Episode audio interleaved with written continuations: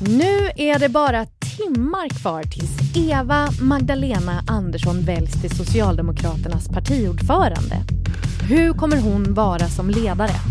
Blir hon den mjuka landsmodern som dansar med kossan Doris i TV? Eller kommer hennes snåla finansministerår forma henne till mer av en sträng styvmor? Det knorras en del om att hon är barsk och tjurig, men kan inte det ärligt talat vara en bra sak?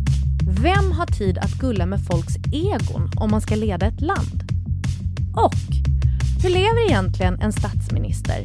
Kan man dra en krogrunda, fyllekäka på McDonalds på vägen hem och sjuka sig till jobbet dagen efter? Du lyssnar på Aftonbladets politikpodd. En runda till med Lena Melin, My Råväder och mig, Soraya Hashim.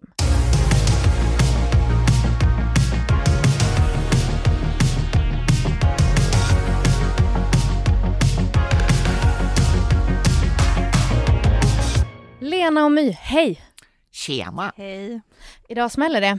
Eh, Magdalena Andersson väljs till ny partiordförande för Socialdemokraterna. Hur, tror- hur tror ni hon känner nu? Jag tror den är lite pirrig faktiskt. Mm. Och förväntansfull. Och så säkert något mer också. Hon är en vinnarskalle som borde vara nöjd. Alltså hon är, man kan ju säga att hon är utsatt för en väldig press nu. Det har gått ganska dåligt för Socialdemokraterna i opinionsmätningarna ända sedan valet Ja. med en liten uppgång i början av pandemin. Och nu har hon nio månader på sig och liksom få fart och sparka igång det här lokomotivet så det rusar in i mål på stationen med ett bättre valresultat än förra gången. Och då kommer hon ju att få ligga i för att lyckas med det. Så hon, får liksom, hon får tycka att det här är lite kul en stund men sen är det bara så här ner och jobba i gruvan liksom. Precis, det kommer verkligen vara gruvan med pannlampan på. Ja.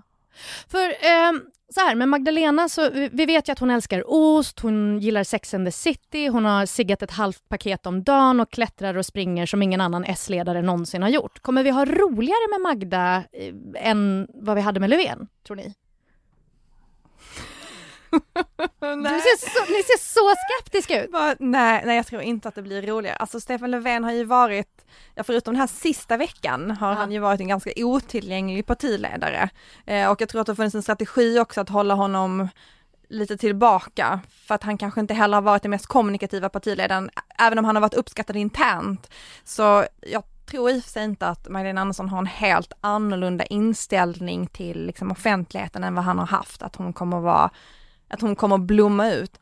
Jag läste någon artikel där man där hon, som var ganska gammal, de Mm. frågade henne så här, ja men är du inte lite rolig? Ja men jag är rolig. Så här, de bara, ja men säg ett skämt, hon bara nej.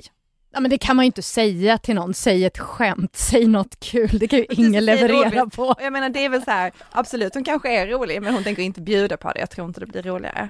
Eller tråkigare. Alltså jag tror inte heller att hon kommer vara roligare. Jag tror inte heller att hon kommer vara särskilt personlig. Nej. Däremot så har ju hon humör. Hon Ja. kan ju bli arg och det piggar alltid upp. Det kan man ju tycka är lite roligt. Ja, jag tänker särskilt för er, i era roller liksom. Alltså så här, det måste ju vara ganska kul med någon som ändå har lite temperament och ganska mycket personlighet. Eller? Jo, det tycker jag absolut. Ja. Jag har inte fått uppleva de här bästa åren med typ Göran Persson, så att jag har inte upplevt, de har varit lite mjäkare statsministrar sedan dess. Men det Magda kan kanske blir din Göran, det är det jag menar. ja, ja precis. Så här, en grej som jag tror väldigt många tänker och funderar kring är den här höger-vänster-grejen, huruvida hon är en höger eller vänstersosse. Kan, kan ni reda ut det för mig? Alltså det man kan säga är att hon har ju jobbat för alla partiledare eh, inom socialdemokratin sedan 1996 med undantag för Håkan Juholt. Mm. Och det betyder att hon har ju bara jobbat för högerorienterade partiledare, alltså inom social, socialdemokratin, alltså det hö, höger ju Höger för att vara sosse? precis. Ja. Och sen tillhör hon ju själv en, en, en partidistrikt som också brukar kallas för höger, så jag skulle nog säga att hon är mer åt höger än vänster. Men det betyder ju inte faktiskt att hon har gjort vänstern besvikna. Den här bankskatten som hon gärna vill genomföra fast det verkar svårt. Det tycker vänstern är jättebra. De eh, tycker att det är bra att hon pratar om segregation eh, och, och sådana saker. Så att, eh, det är inte så att hon i alla fall än har gjort vänstern enormt besviken av saker som hon själv vill göra. Det handlar ju väldigt mycket om hennes lag också, vad hon kommer att försöka spegla nu i den regeringen som hon tillsätter och de höga positioner som hon tillsätter. Um, för att det är ju, det är ju där som politiken kommer att visa vilken inriktning de får. Sen har ju partier, de har ju en, de har ju ett sånt otroligt intresse av sitt egna eh, interna liv. Mm. Så när man pratar om det här, är det viktigt om man är höger eller vänster och vilka som är det och vilka positioner man får, då är det ju väldigt mycket internt fast det liksom sipprar ut eftersom vi journalister ofta är väldigt intresserade av det politiska spelet. Ja. Eh, och jag, ja men jag, sossarna är väl bland de värsta nästan där, det här med att vara så otroligt involverade i sitt inre liv? Eller vad säger du? Centerpartiet och Socialdemokraterna. Menar ni liksom att de är lite så navelskådande? Ja men alltså hur de organiserar sig. Här, vem som ja. har organisationen och sådär. Det, men det handlar ju ofta om maktkamper. Om man ändrar organisationen är det någon som förlorar. Ja just det, någon åker och ut. någon annan vinner. Mm. Det gillar man inte. Nej, det kan jag förstå. Men för oss väljare då? Alltså kommer någonting bli Kommer saker bli annorlunda eller hur kommer de bli annorlunda från när Stefan har lett sossarna? Alltså, Socialdemokraterna är ju enormt pragmatiska så att i huvudinriktningen på Socialdemokraternas politik kommer såklart ligga fast. Däremot så tror jag att man kommer uppleva en ganska stor förändring på den kommunikativa sidan. Inte för att eh, Magdalena Andersson är ett skärmtroll eh, utan för att det går att förstå vad hon säger. Alltså hon pratar mm. rakt och tydligt, begripligt. Och tror du väljarna kommer uppskatta det? Risken är ju att om de förstår så tycker de inte om det. Det är den risk man löper när man, när man börjar prata klartext. Men, men jag tror hon är beredd att ta den. En, en annan grej med att bli partiledare tänker jag är ju, hon blir ju chefernas chef. Alltså vad, vad vet ni om hennes styrkor som chef? Att hon är påläst och erfaren. Ja. Ja, hon brukar väl själv säga att hon är resultatinriktad och det måste, eh, eh, som finansminister så är det ju så att man måste vara det. Därför att en budget ska läggas på riksdagens bord en viss, ett visst datum och eh, då måste man vara klar. Andra kan ju hålla på och sega och dra på sina frågor, men hon har ju varit tvungen varje år vid minst två tillfällen liksom leverera och det har hon ju gjort. Så hon har sett till att jobbet blir gjort, men vad är hennes svagheter som chef? Jag har ju hört att hon kan bli väldigt arg, fast inte, alltså hon ger sig inte på personer, men tydligen ja, förstår alla när, när det har gått snett. När hon inte är nöjd. Jag tror egentligen att det handlar mer om relationen till liksom människor utanför hennes medarbetare. Alltså som, som chef och när, med nära medarbetare verkar det ju liksom inte riktigt finnas den här bilden som vi ser, att det kan vara lite taggigt sådär, utan att det framförallt är liksom politiska motståndare och journalister. Men nu har ju ni lärt mig det här med att bara för att hon blir partiledare för Socialdemokraterna så betyder ju inte det att hon automatiskt blir statsminister trots att Stefan Löfven har varit det, utan hon måste väljas av riksdagen. Hur stor är risken att hon inte blir statsminister? Jag skulle betrakta den som liten. Ja, mm, jag med. Vi, vi, räknar med det helt enkelt. Den finns, men ja. den är väldigt liten. Men i så fall så blir hon ju Sveriges första kvinnliga statsminister. Tror ni att det är någonting som hon själv går omkring och tänker mycket på?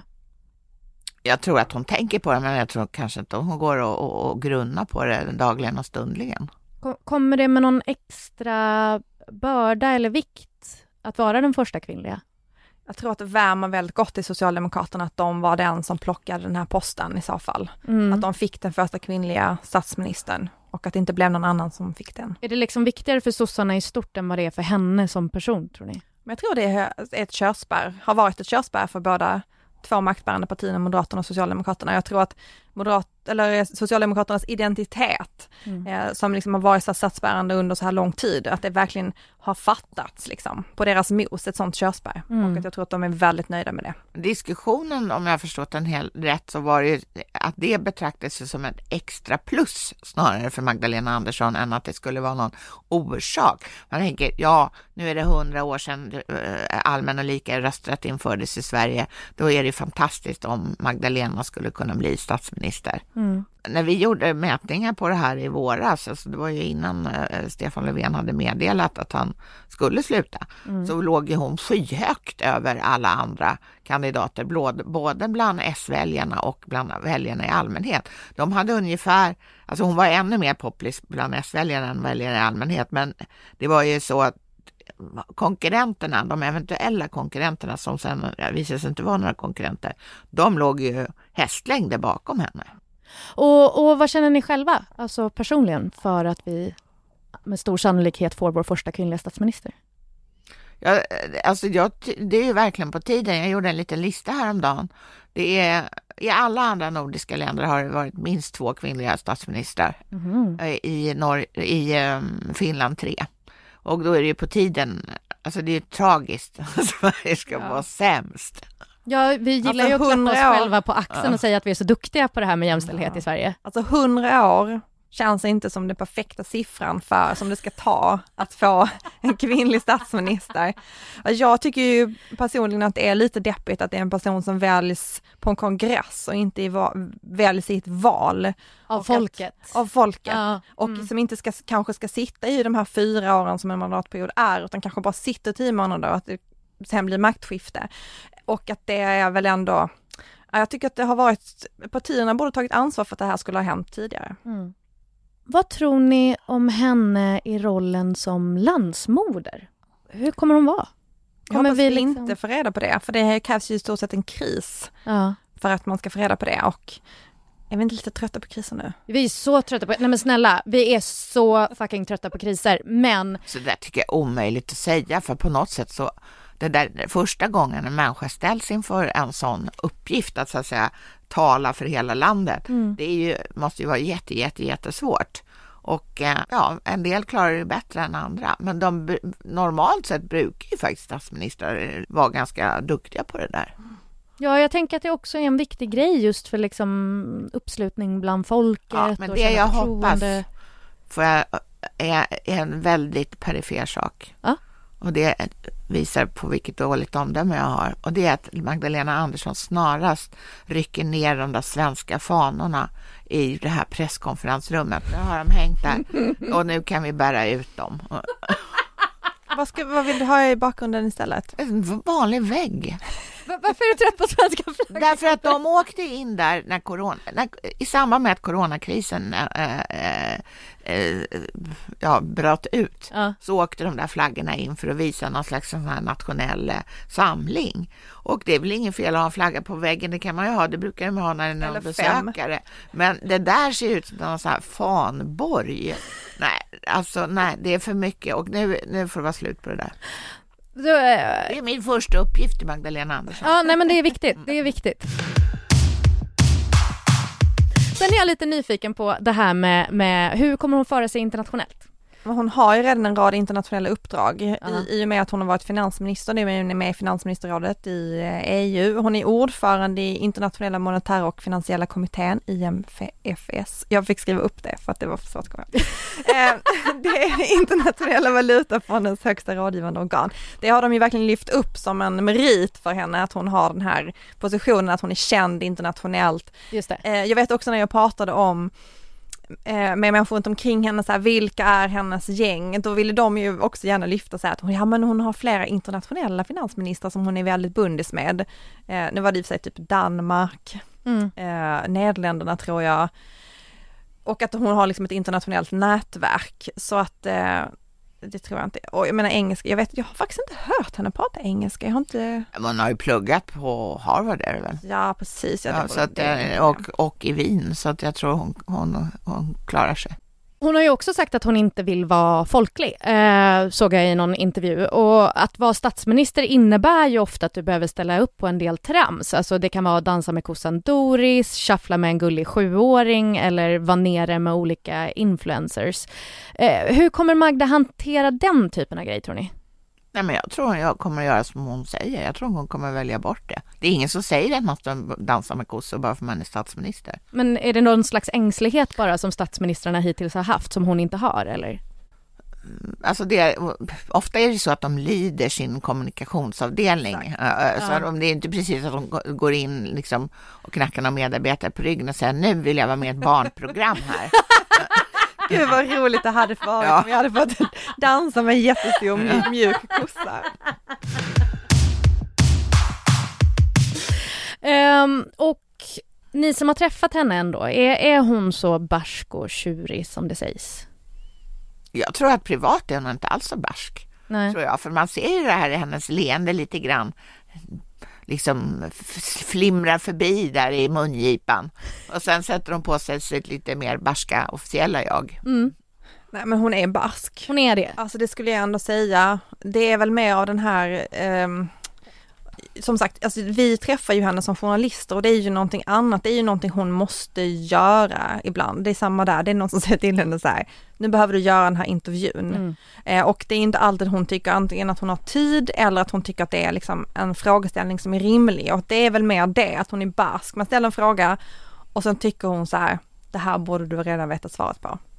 Eh, hon blir frustrerad om, om du inte fattar med en gång. Ja, fast hon förklarar ju alltid. Det är ganska pedagogiskt tycker Absolut. jag, speciellt när hon håller, när hon ska presentera sina prognoser och sånt där i, i, i och står i det där flaggprydda rummet. Mm. Och eh, så är hon ju väldigt pedagogisk. Men eh, kan det inte finnas något bra då med att eh, liksom om, om hon nu då tycker, som du sa eh, det där borde du redan kunna. Alltså, är, finns det inte någonting bra med att en statsminister är den smartaste i rummet? Jag tycker aldrig man ska vara den smartaste i rummet. Då tycker jag att man lär sig mer om man inte är det. Men det är ju min personliga inställning till livet. Ja. Eh, men jag tycker att det viktiga här är ju att hon, allt, att hon ändå tar sig tid att förklara saker. Ja. Att eh, det är ju skillnad på att tycka att någon ställer en dum fråga och inte svara på den för att man tycker den är dum. Eller att svara på den för att man tänker så här, okej okay, den är kanske dum, men jag förstår att du inte har den här kunskapen och jag tänker ge dig den. Så att det är ju två helt olika inställningar. Den ena är sympatisk och den andra är inte så sympatisk. Och vilken är hon? Ja, men hon är den som förklarar. Mm. Men jag tror ändå att hon har um, sidor som vi aldrig har sett.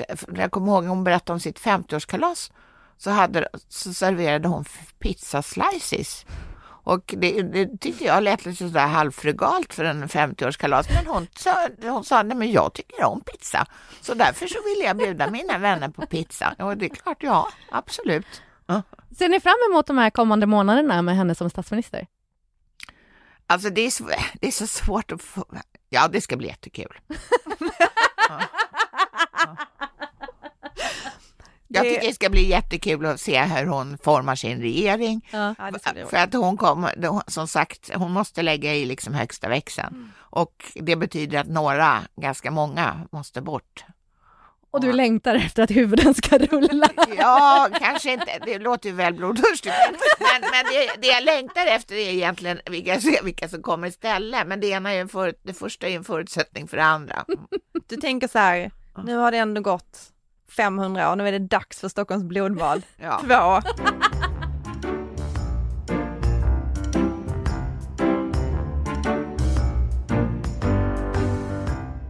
Jag, jag, är så himla nyfiken på hur en eh, statsminister lever. Jag tittar väldigt mycket på amerikansk populärkultur och tittar man typ en kvart så har man lärt sig i princip allt om hur en amerikansk president har det med så här ovala rummet, privatbostaden, vad får de göra? Eh, sova i samma säng som gamla presidenter. Ja, mm. exempelvis, mysigt. eh, men, men svenska statsministrar känner jag att jag har väldigt lite koll på liksom hur deras privatliv ser ut. Så eh, guida mig, lär mig allt. De bor i Sagerska. De bor i Sagerska huset som ligger mitt i Stockholm, mitt emot riksdagshuset. Mm. Det är en ström utanför. Uh, strömmen, som den heter. Strömmen, Strömmen. Ja, och, det, och Sagerska huset är inte så jättegammalt som statsministerbostad, för det, det införskaffades av staten efter mordet på Olof Palme, när de tyckte att nu måste vi öka säkerheten kring statsministrarna. Ja. Sen byggdes de om eh, under flera år för huset var väldigt risigt. Det hade ägts av en dam som hette Vera Sager och eh, hon, hon var oerhört ålderstigen när hon eh, dog och hade väl inte gått runt där med penseln så himla mycket de senaste 32 åren. Nej. Mm. Men, men har ni varit där? Jag har varit där flera gånger. Får man bara gå in på guidad tur eller hur Nej. funkar det? Nej, utan eh, det finns, det är en officiell del som, sträck, som är ett par våningar högt och sen så finns det då statsministerns privatbostad och eh, där har jag då inte varit tyvärr.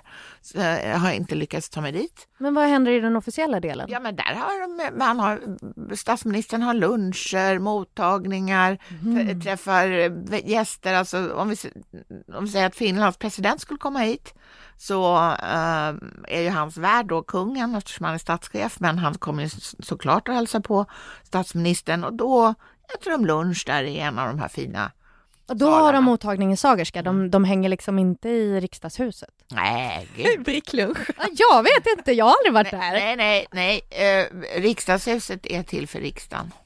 Där, där får inga andra komma in, förutom Nej, det, alltså regeringschefen ska inte ha några officiella grejer där. Men, men i själva Sagerska, alltså är det som i USA, att det blir lite av en grej så här, vad man tar med i flytten, hur man inreder ovala rummet och privatbostaden, eller har de liksom nitat fast tavlor och fåtöljer så att ingen statsminister ska komma dit med sin sjaviga smak och förstöra?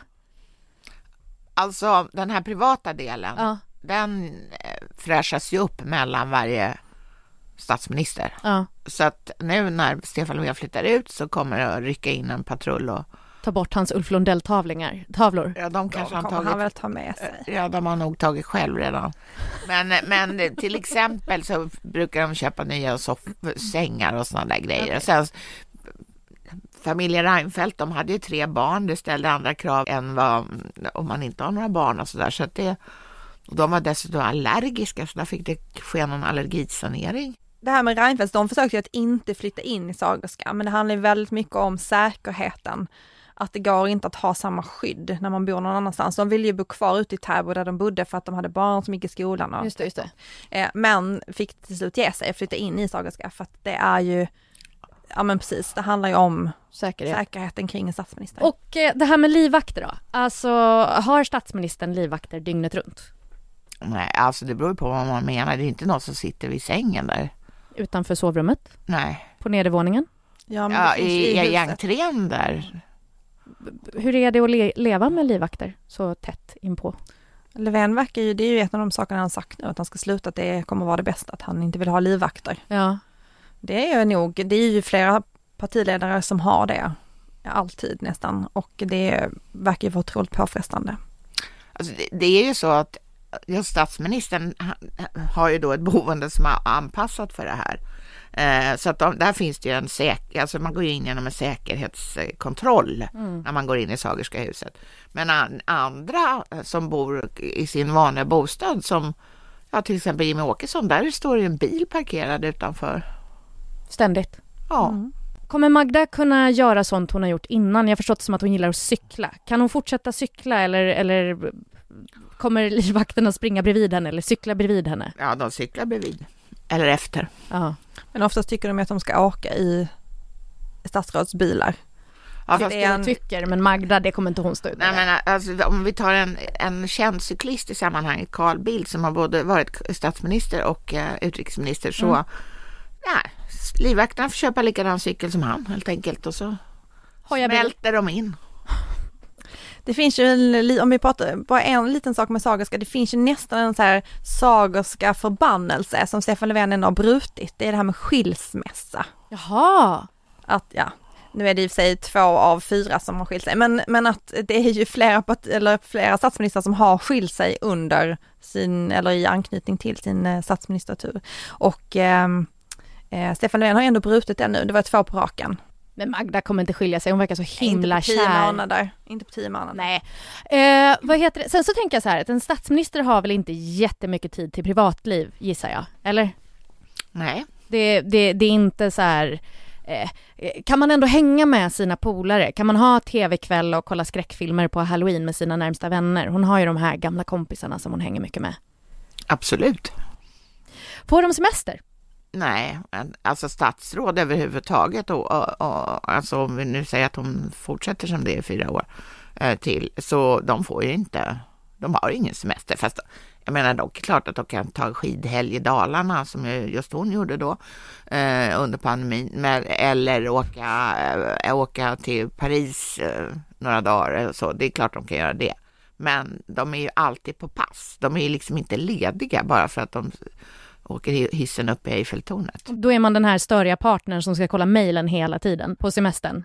Alltså grejen är att de gör ju väldigt lite sånt sen när de kommer upp sig på de här nivåerna. För de har ju Mm. personer som gör det runt omkring dem. Mm. Så de har liksom en person som kan höra av sig när som helst, hur som helst. Men det är den personen som kollar mejl, som kollar samtal, som har jobbtelefonen.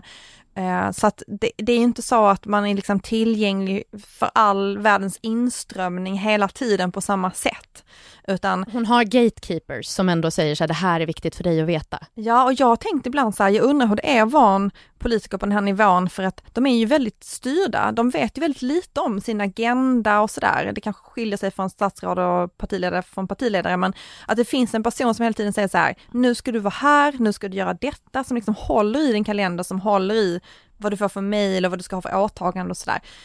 Um, och att det måste vara väldigt speciellt. Mm. Att liksom bara släppa, det är som att falla bakåt och bara så här, bli uppfångad på olika ställen av en annan person. Det låter jätteskönt och jättefrustrerande på samma gång.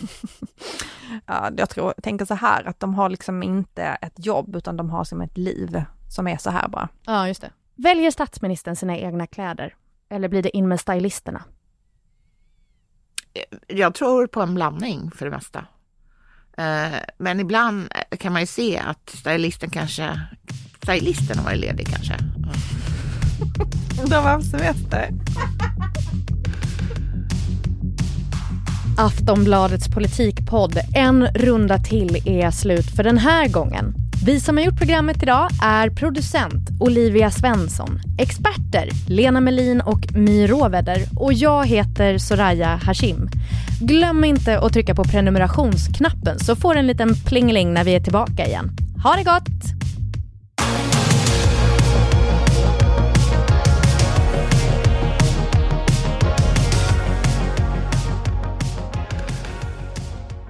Du har lyssnat på en podcast från Aftonbladet.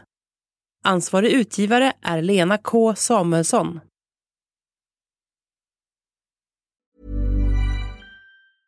Hej, jag Ryan Reynolds. Recently, I asked Mint Mobile's legal team if big wireless companies are allowed to raise prices due to inflation. They said yes. And then when I asked if raising prices technically violates those onerous two year contracts, they said, What the f are you talking about, you insane Hollywood ass?